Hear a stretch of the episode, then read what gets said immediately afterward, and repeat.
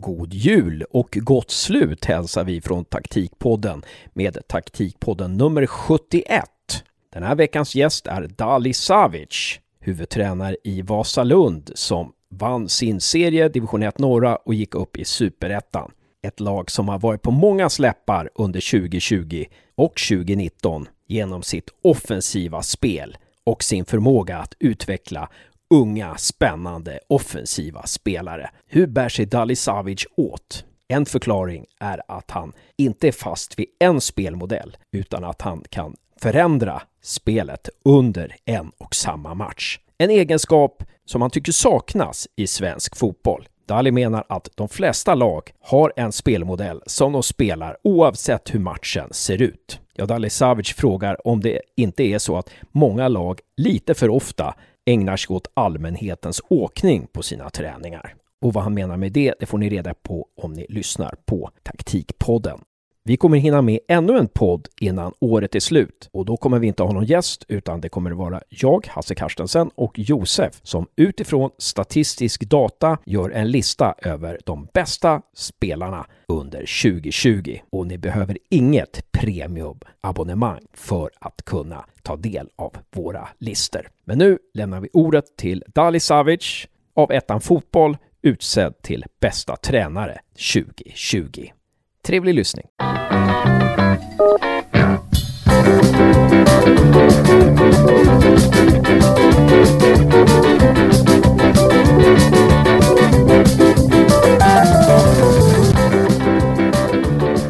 Välkommen till Taktikpodden. En kär gäst som vi återser, Dali Savic.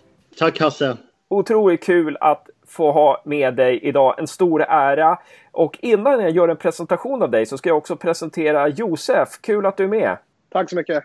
Tjena Josef! Tjena Dali! Och Josef, du är snart klar med din kandidatexamen i Sports Management på Linnéuniversitetet i Växjö och du scoutar för lite olika lag också. Nu går vi tillbaka till huvudpersonen. Nu ska jag göra en presentation av dig Dali och så får du rätta mig, lägga till eller ta bort om jag har trampat fel någonstans. Du är Uefa Pro-licensierad tränare. Du har skördat väldigt stora framgångar med U19 och U21 i BP's akademi under flera år. Du har varit assisterande tränare i BP's herrars A-lag. Du är huvudtränare i Vasalund sedan 2019. Då var ni nykomlingar och tog en ganska bra placering på övre halvan av tabellen och nu 2020, andra året som huvudtränare i Vasalund, så tar ni steget upp i superettan efter, får man ändå säga, en överlägsen serieseger i division 1 norra. Och för den prestationen så blev du utsedd till division 1s bästa tränare 2020. Vad säger du om den presentationen? Någonting du vill lägga till? ja, det, var, det var roligt att höra den presentationen och eh, det får mig att inse att jag har börjat bli gammal. Jag har hängt, hängt med ett tag och gjort en hel del. Så det var kul att höra. Och jag tycker det är intressant det här med BP, alltså att du kom från BP till Vasalund. Går det att sätta fingret på vad du tog med dig från BP till det nya laget, den nya organisationen?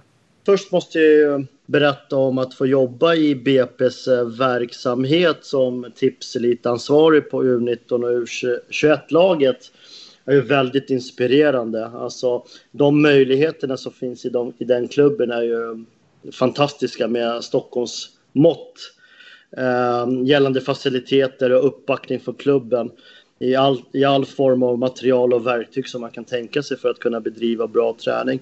Sen ska man ju nämna de spelare som finns i den verksamheten. att den drivkraften de har för att verkligen slå igenom som fotbollsspelare och, och ha fotboll som yrke, den är väldigt, väldigt hög i den miljön. Och jag hade ju förmånen att få jobba med väldigt duktiga fotbollsspelare under mina fyra år där. Så när jag fick frågan att eh, bli tipselit-tränare i BP så hade jag verkat som seniortränare i tre säsonger. Kom närmast från ett uppdrag i Superettan. Och då var min tanke och idé att hur ska jag göra det här steget så litet som möjligt från U19 till BP's herrlag som, som då spelade i, i allsvenskan. Då var ju min idé att det här måste jag ju driva som ett seniorlag fast det var eh, juniorer under utbildning. Eh, killarna var ju långt framme i sin utveckling. Flera av killarna knackade redan på A-lagets port. Men steget var ändå eh, ett steg som man skulle ta då. Dessutom så var ju väldigt många av spelarna med i de svenska ungdomslandslagen och hade eh, ögonen på sig från utlandet. Eh, och jag vill minnas, jag kan ha fel, men jag vill minnas att under mina fyra år i Brommapojkarna eh, U19 där så, så lämnade nio spelare till utlandet. Och flera utav dem lever än idag på sin fotboll. Mm. Jag tänker, hur, hur gjorde du konkret för att eh, förminska steget mellan ungdomsfotbollen till A-laget? Ja, det, det, konkreta blev ju liksom att, att driva det som ett herrlag och då var det väldigt tydligt att man måste ha en periodisering i veckan som de inte hade tidigare. Utan de hade då fasta träningsdagar där jag då korrigerade utifrån när spelar vi match och, och gjorde en planering utifrån den eh, veckans match och så bygger man upp en periodisering under veckan. Det var också att jag jobbade väldigt mycket med spelarnas spetsegenskaper. Eh, det handlade väldigt mycket om att ha en tydlig spelidé. Eh, att jobba utifrån eh, lagets styrkor så det handlade väldigt mycket om att scouta motståndarna för att kunna se hur kan vi använda våra styrkor i den här matchen och utnyttja motståndarnas uh, svagheter. De hade inte jobbat så mycket med video innan jag kom till eh, uh, BPSU 19. Alltså det verkar ju som nyckeln för att få fram bra ungdomar är att träna dem som om de spelade i A-laget, eller har jag fel?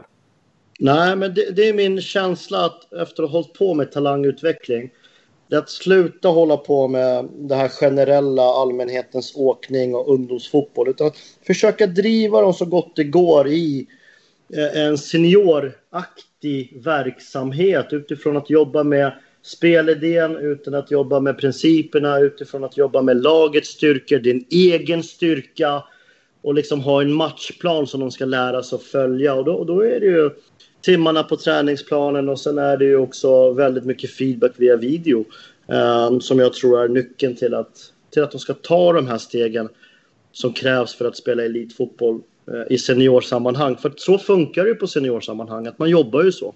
Skulle du säga att när du kom från BP då, att du, att du liksom hade, hade ett spel som du vill spela så, så, här, den här fotbollen vill jag spela, de här principerna vill jag jobba efter. Och sen så applicerade du de principerna rakt av i Vasalund, eller? Ja, exakt. Exakt så var det. Att det var några saker som jag inte ville tumma på.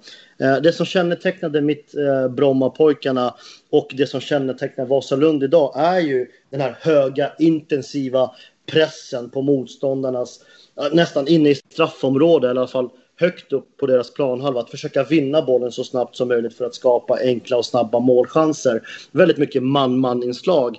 Eh, och sen det här, hur ska vi spela när vi jobbar med vårt eh, speluppbyggnad eller etablerade anfallsspel. Och då, redan då i Brommapojkarna jobbade jag med numerära överlägen på olika eh, ställen på fotbollsplanen för att skapa målchanser. Och sen då har jag lagt till det här för att kunna skapa målchanser så har vi jobbat väldigt mycket i Vasalund med spel på tredje spelare. Så att det här började jag med i Brommapojkarna som jag sedan applicerade i Vasalund och som jag inte har tummat på. Och spela på tredje spelare, det har vi ett avsnitt på Youtube som John Wall förklarar och det betyder väl helt enkelt spela blindside, alltså spela på en spelare som, som kommer från en blind yta eller kan man förklara det på det viset?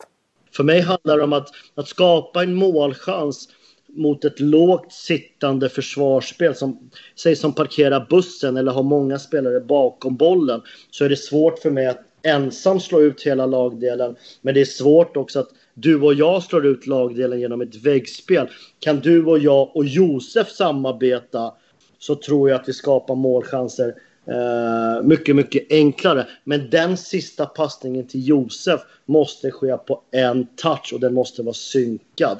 Så det har jag jobbat med väldigt mycket i allt ifrån possessionövningar till avslutsövningar. Hur skapar vi spel på tredje? Och, uh, och det genombrottet för att skapa målchanser. Jag tycker det är spännande att du pratar man-man, för det var ju någonting som jag drev lite i, i taktikpodden här när, när eh, man började prata om Rickard Norling, att han var eh, revolutionerande med att han spelar man-man, för det har inte gjorts i Sverige tidigare. För, för, det görs ju konstant liksom. Så det tycker jag är intressant att du lyfter fram det här med man-man. På vilket sätt är det just i pressen som du vill spela man-man då, eller? Grundidén är ju att vi vill få motståndarna antingen till höger eller till vänster så att vi liksom vet att du kommer att anfalla på er höger, högersida. Och då handlar det för oss att boxa in er på en sida och när vi vet att du har gått till höger då är det enkelt för oss att räkna in. Om ni är tre där, då går vi med tre där. Och är man då nära och hela tiden i närheten av att kunna vinna bollen när passningen slås gör ju att du får ju tidsbrist att behandla bollen eller att lösa situationen.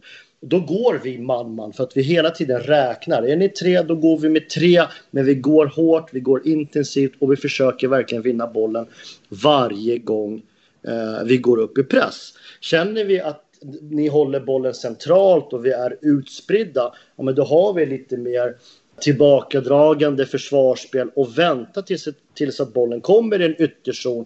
För då kan vi gå man-man och dina alternativ blir ju ganska få. Så att om det är tre stycken i backlinjen som spelar bollen, dina spelare tar varsin av de här försvararna. Hur blir det med de andra då? Spelmöjligheterna upp för, för de här tre backlinjen upp till mittfältet då? Är det så att ni spelar positionsförsvar med resten av spelarna för att låsa resten av, av motståndarlagets lagdelare och spelare? Eller hur, hur ser du där? Eller är det man-man över hela plan? Nej, men det blir ju, alltså, först är det ju ett positionsförsvar.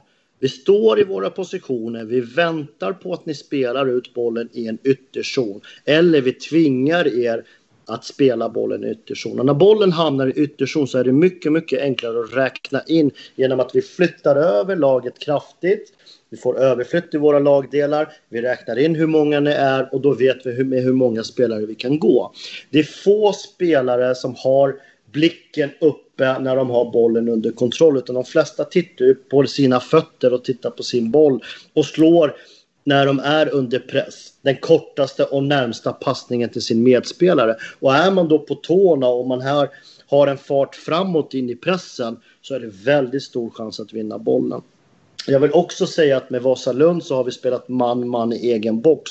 Vi har inte spelat positionsförsvar i eget straffområde utan där har vi verkligen tagit gubbe för gubbe när det har kommit till inlägg eller inspel. Jättespännande. Var det något lag i serien i division 1 norra i år, eh, ni tappar inte så många poäng, men var det något lag som, som var svårare att spela, svårare att låsa fast eh, än de andra? Jag har två konkreta exempel. Eh, det ena exemplet är matchen mot Gävle hemma. Eh, så hade vi en idé om att vi skulle gå högt och vinna bollen. Eh, högt upp på deras planhalva. Men vi såg ganska snabbt att Gävle hade en 7-8 spelare om man räknar in målvakten i sin speluppbyggnad. Vilket betydde att om vi skulle gå högt och försöka vinna bollen högt så måste vi gå med 7-8 spelare och då riskera att stå tre mot tre i vår backlinje och på så sätt blotta oss. Eh, det vi gjorde då, den taktiska korrigeringen vi såg ganska snabbt var att om vi backar hem istället och ställer oss ungefär på halva plan så har de fortfarande tre spelare eh, mellan våra linjer och på vår planhalva. Men vi har ju tio gubbar och de kommer aldrig göra mål tre mot tio. Och det som också hände var att Gävle var tvungna att flytta upp sina positioner för att eh, vi bjöd, bjöd på den ytan.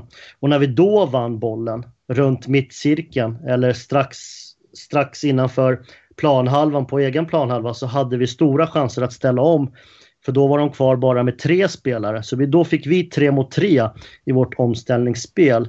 Eh, istället för att gå högt och försöka vinna bollen högt när de hade sju spelare på egen planhalva. Då skulle vi behöva slå ut sju spelare. Där kan man säga att vi gjorde en flexibilitet och ändrade i vårt spel medan de fortsatte att spela på samma sätt under 90 minuter.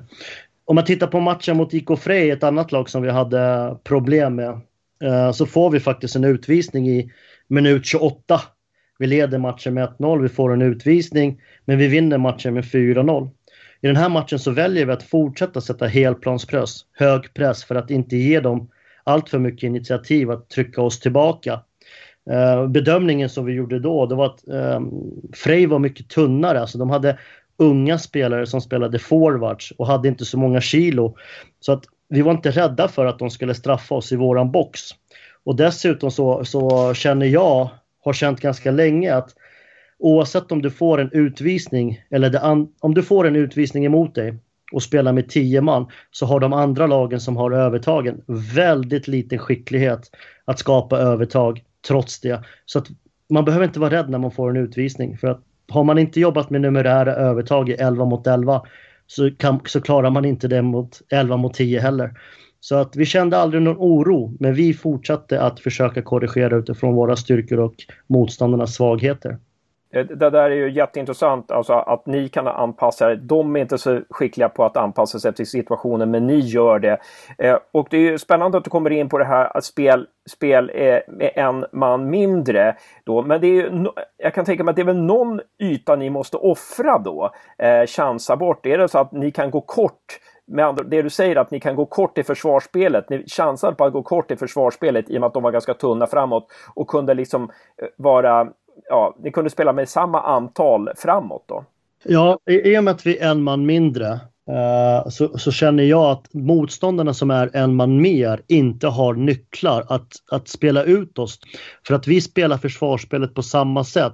Vi väljer ju att styra dem eller låta dem spela en ytterzon och när de väl kommer till en ytterzon det är då vi kan räkna in och gå man-man och vinna, vinna bollen enkelt. För att så länge vi kan få dem mot en sida så blir det lättare för oss att spela eh, försvarsspel. Och de, de här lagen som vi har mött, de klarar inte av att skapa numerära övertag när vi är 11 mot 11. Men de klarar inte av att göra det heller 11 mot 10 för de fortsätter att spela på samma sätt de har spelat under hela matchen, under hela säsongen. Man litar bara på att spelarna ska lösa, lösa situationerna, lösa matchbilden. Men de har inte egentligen nycklar i hur man ska göra det. Och så, då blir försvarsspelet ganska enkelt för oss. Vi blir aldrig utsatta för något problem. När ni är en man mindre, i er, i er försvarslinje kan ni chansa bort en spelare där liksom. Det gör ja. inget att ni är undertaliga där liksom. Nej, det, är, det gör ju inte det. Nej. För att många av de här lagen spelar med en forward också. För mig det är vansinne. Mm. Varför det?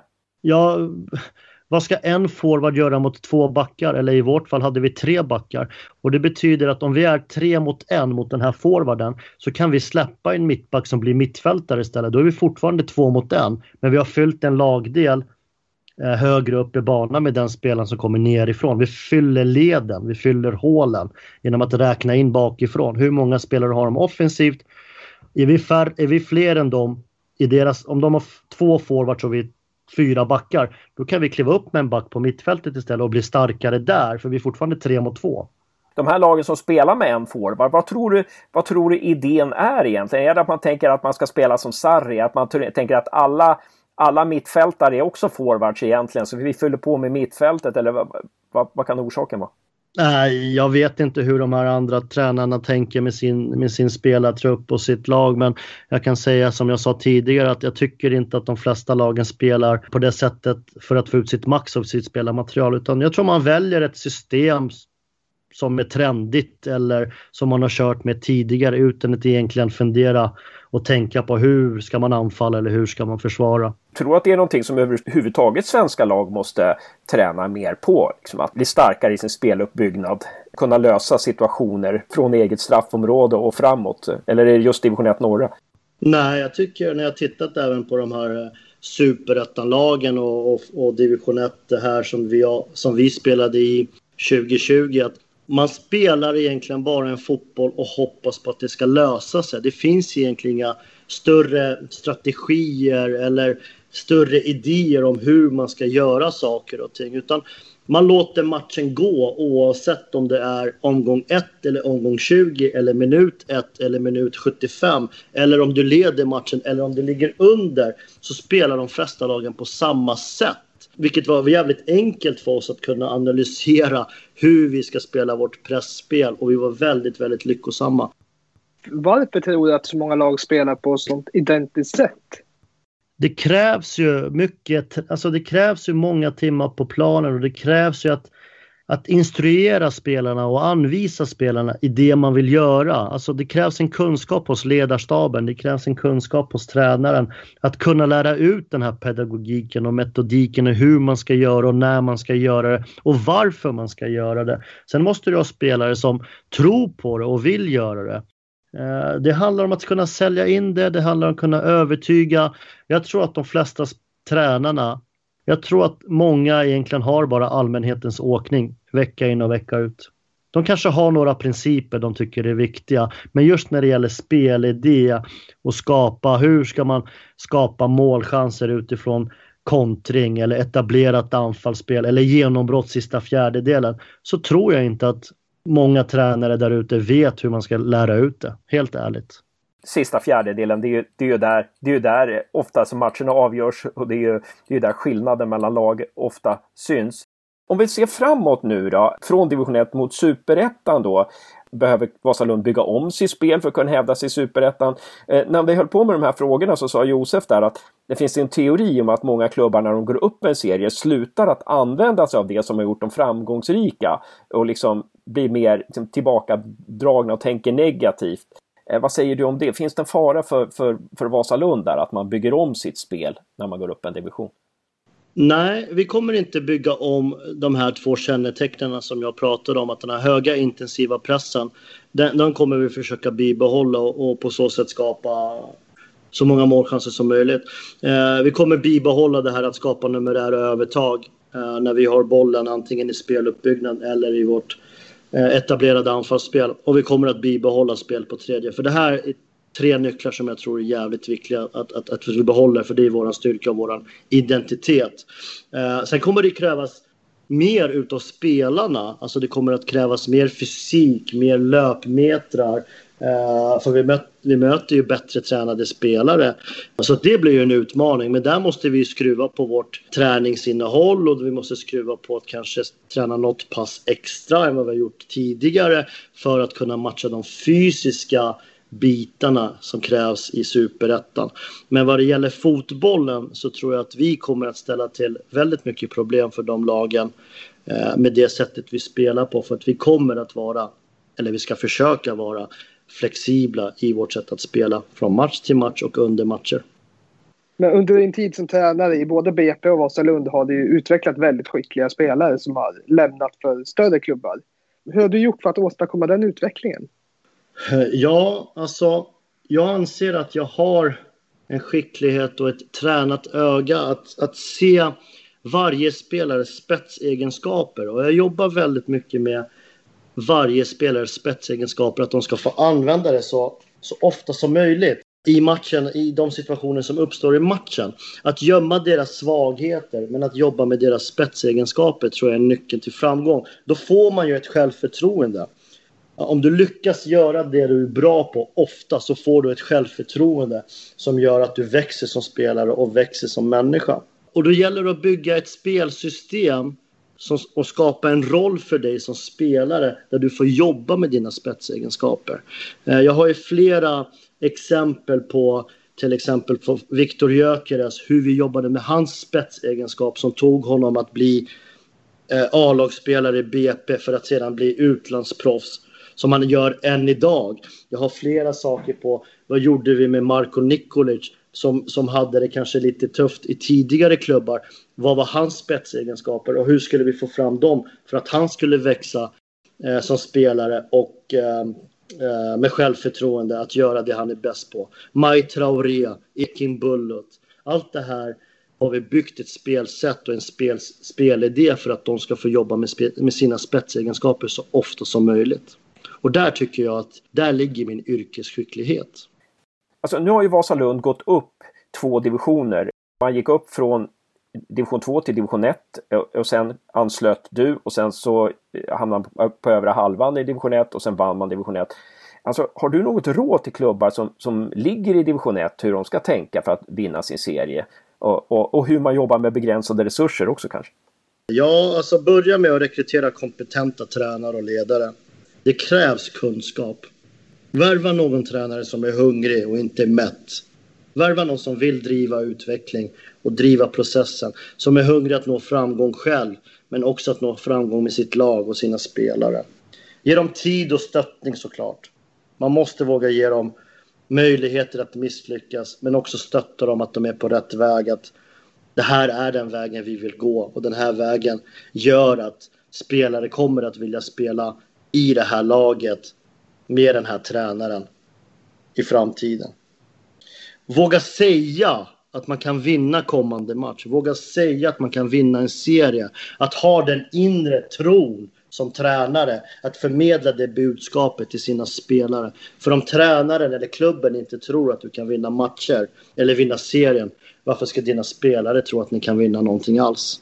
Det handlar ju om att övertyga spelarna att det vi gör är det som är framgångsreceptet. Alltså, jag väljer ju eh, det spelsättet, den organisationen vi ska ha. Jag ser till att använda dina spetsegenskaper i det här spelsystemet. Jag vill att du ska utföra de här sakerna. Och då är det så här, om vi har ett försvarsspel där vi ska vinna bollen högt och jag har talat om för dig för oss att vi vill att de ska spela bollen antingen hit eller dit. Då är det din uppgift och då, då kommer man till det här eh, dagen innan match eller två dagar innan match när man ska liksom presentera dels via video men dels också praktiskt på fotbollsplanen.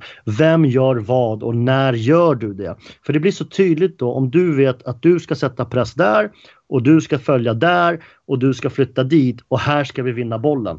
Och när man då lyckas vinna bollen då växer ju självförtroendet och då tror ju alla på att det här är det sättet vi måste gå. När vi pratar anfallsspel och jag pratar om de här äh, motrörelserna eller äh, byggspelet på ena sidan, få en spelvändning, kantgenombrott och när vi lyckas få en kantgenombrott så ska du löpa i den här ytan, din kompis ska komma där, din tredje kompis där och den fjärde spelaren där och då kommer vi skapa målchanser och göra mål. Och när man ser då att killarna Eh, utifrån den träning vi har haft, utifrån den matchplan vi har haft, visa sedan på video med feedback att det här är framgångsreceptet. Då växer hela gruppen och då växer laget och då, och då får man med sig alla på tåget. Du har ju pratat om det här med misstag som, som, som lag gör. Alltså det, det finns ju lag som är större, med större, har större resurser än Vasalund som inte når de framgångar som Vasalund gör nu. Alltså, vi har pratat lite om misstag vad lag gör, att man inte har ett spel som, man, ja, ett spel som är mer chansartat. Är det några fler misstag du tycker att lag gör som har större resurser än Vasalund och som inte räcker till i, i division 1 på samma sätt som Vasalund? Ja, men alltså när, när jag sammanfattar den här säsongen så var det ju faktiskt ett par klubbar som borde ha hamnat högre upp, som borde kanske ha vunnit serien, som borde ha lyckats bättre utifrån de resurserna som du pratar om. Men när jag tittar på dem, vad, vad har de misslyckats med? Utan att veta vad de har pratat om i sin dagliga verksamhet eller utan att veta vad de har gjort i det dagliga arbetet. Men när jag tittar på det utifrån så kan jag tycka att de inte har spelat sitt spelmaterial, det materialet de har, på bästa möjliga sätt. De har inte fått fram spelarnas styrkor i sitt organisation eller spelsystem eller kalla det vad du vill. Och det är också för få lag som har vågat vara taktiskt flexibla utan man har hoppats på att det ska lösa sig genom att spela på samma sätt vecka in och vecka ut. Det är de två största misstagen som jag ser att de här lagen med större resurser inte har lyckats. Jättebra. Få lag vågar vara taktiskt flexibla. Det är nästan temat för det här snacket. Eh, det var väldigt bra. Öppnade upp väldigt många ögon. För, för mig i alla fall. Mina två ögon. Men eh, Josef, eh, då kanske vi är framme med den sista frågan, eller vad tror du? Jag tror att vi är framme med den sista frågan. Om det fanns en tidsmaskin och du kunde gå tillbaka tio år i tiden och ta med dig en kunskap som du har nu, som du inte hade då, vad hade det varit? Ja, kul, kul fråga. Jag vet faktiskt inte, men jag skulle vilja svara så här någonting. Då, att, eh, jag är glad över att det har tagit den tiden det har tagit för mig att komma dit jag är. Jag har behövt göra allt jag har gjort för att förbereda mig för det som ska komma. Jag är helt övertygad om att eh, min tid i svensk fotboll är här inom en snar framtid. Och då är jag redo på det bästa möjliga sätt. Jag skulle inte vilja ha några genvägar. Utan jag tror att man behöver den här tiden på sig för att bli den man är och vara trygg i det man vill göra. Så det blir mitt korta, långa, tråkiga svar.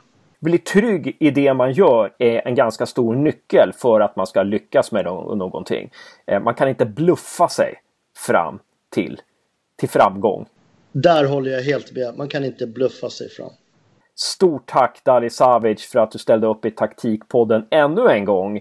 Och eh, får se hur länge det dröjer innan vi återkommer till dig. Om jag får bestämma så återkommer vi till dig minst en gång i månaden. Men du ska ju ha ett liv också. Men tack ska du ha Dali. Tack Hasse och tack Josef. Det är alltid lika roligt att snacka med er. Ha det bra. Och bra jobbat Josef. Tack så mycket Hasse och tack så mycket Dalle.